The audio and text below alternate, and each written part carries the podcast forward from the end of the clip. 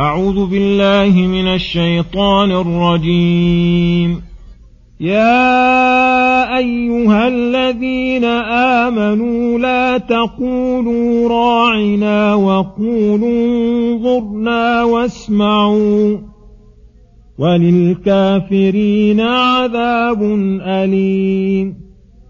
ما يود الذين كفروا من أهل الكتاب ولا المشركين أن ينزل عليكم من خير من ربكم والله يختص برحمته من يشاء والله ذو الفضل العظيم ما ننسخ من آية أو ننسها نأت بخير منها أو مثلها.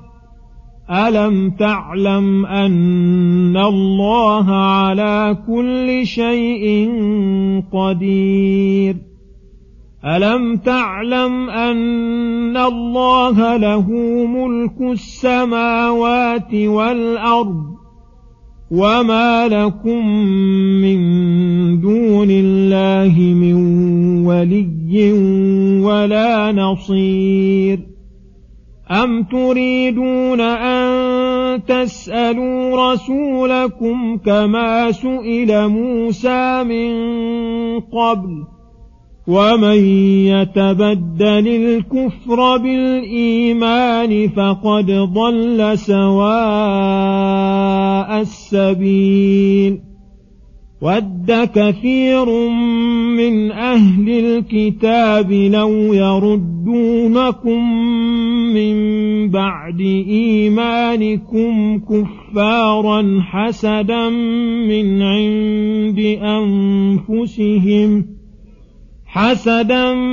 من عند أنفسهم من بعد ما تبين لهم الحق فاعفوا واصفحوا حتى يأتي الله بأمره إن الله على كل شيء قدير وأقيموا الصلاة وآتوا الزكاة وما تقدموا لأنفسكم من خير تجدوه عند الله إن الله بما تعملون بصير.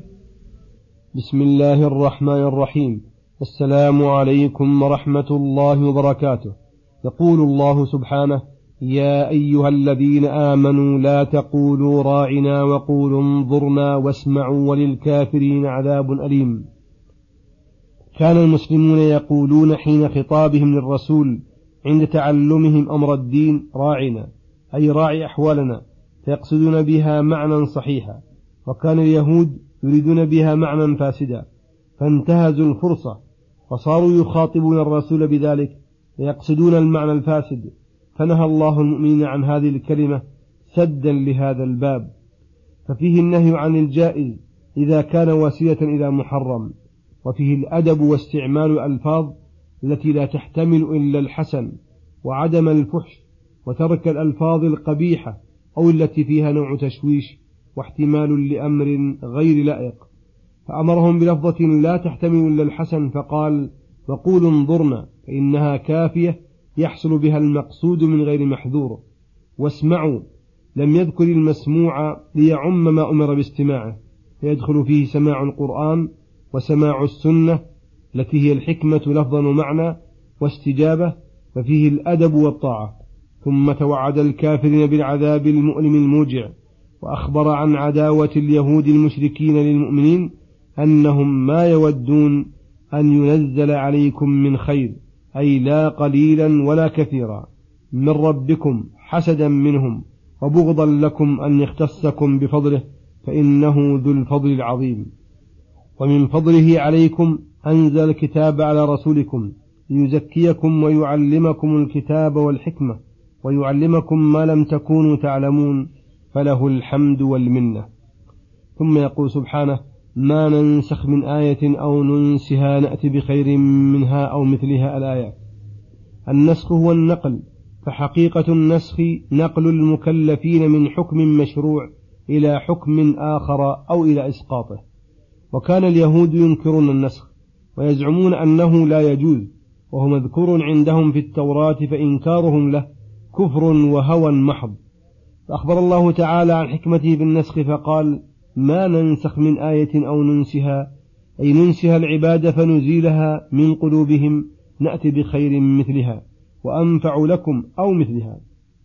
فدل على أن النسخ لا يكون لأقل مصلحة لكم من الأول لأن فضله تعالى يزداد خصوصا على هذه الأمة التي سهل عليها دينها غاية التسهيل.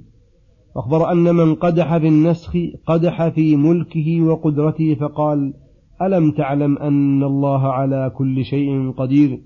ألم تعلم أن الله له ملك السماوات والأرض؟ فإذا كان مالكا لكم متصرفا فيكم تصرف المالك البر الرحيم في أقداره وأوامره ونواهيه فكما أنه لا حجر عليه في تقدير ما يقدره على عباده من أنواع التقادير كذلك لا يعترض عليه فيما يشرعه لعباده من أحكام فالعبد مدبر مسخر تحت أوامر ربه الدينية والقدرية فما له والاعتراض. وهو أيضا ولي عباده ونصيرهم فيتولاهم بتحصيل منافعهم وينصرهم في دفع مضارهم فمن ولايته لهم أن يشرع لهم من الأحكام ما تقتضيه حكمته ورحمته بهم. ومن تأمل ما وقع في القرآن والسنة من النسخ عرف بذلك حكمة الله ورحمته عباده. وإيصالهم إلى مصالحهم من حيث لا يشعرون بلطفه. ثم يقول سبحانه أم تريدون أن تسألوا رسولكم كما سئل موسى من قبل؟ ينهى الله المؤمنين أو اليهود بأن يسألوا رسولهم كما سئل موسى من قبل؟ المراد بذلك أسئلة التعنت والاعتراض كما قال تعالى يسألك أهل الكتاب أن تنزل عليهم كتابا من السماء فقد سألوا موسى أكبر من ذلك فقالوا أرنا الله جهرا. وقال تعالى يا أيها الذين آمنوا لا تسألوا عن أشياء إن تبد لكم تسؤكم فهذه ونحوها هي المنهي عنها وأما سؤال الاسترشاد والتعليم فهذا محمود قد أمر الله به كما قال تعالى فاسألوا أهل الذكر إن كنتم لا تعلمون ويقرهم عليه كما في قوله يسألونك عن الخمر والميسر ويسألونك عن اليتامى ونحو ذلك ولما كانت المسائل المنهي عنها مذمومة قد تصل بصاحبها إلى الكفر. قال ومن يتبدل الكفر بالإيمان فقد ضل سواء السبيل. ثم أخبر سبحانه عن حسد كثير من الكتاب وأنهم بلغت بهم الحال أنهم ودوا لو يردونكم من بعد إيمانكم كفارا وسعوا في ذلك وعملوا المكايد وكيدهم راجع عليهم كما قال تعالى وقالت طائفة من الكتاب آمنوا بالذي أنزل على الذين آمنوا وجه النهار واكفروا آخره لعلهم يرجعون. وهذا من حسدهم الصادر من عند أنفسهم فأمرهم الله بمقابلة من أساء إليهم بالعفو عنهم والصفح حتى يأتي الله بأمره. ثم بعد ذلك أتى الله بأمره إياهم بالجهاد فشفى الله أنفس المؤمنين منهم فقتلوا من قتلوا واسترقوا من استرقوا وأجلوا من أجلوا إن الله على كل شيء قدير. ثم أمرهم الله بالاشتغال بالوقت الحاضر بإقامة الصلاة وإيتاء الزكاة وفعل كل القربات. ووعدهم أنهم مهما فعلوا من خير فإنه لا يضيع فإنه لا يضيع عند الله. بل يجدونه عنده وافرا موفرا. قد حفظه. إن الله بما تعملون بصير. وصلى الله وسلم على نبينا محمد وعلى آله وصحبه أجمعين وإلى الحلقة القادمة غدا إن شاء الله والسلام عليكم ورحمة الله وبركاته.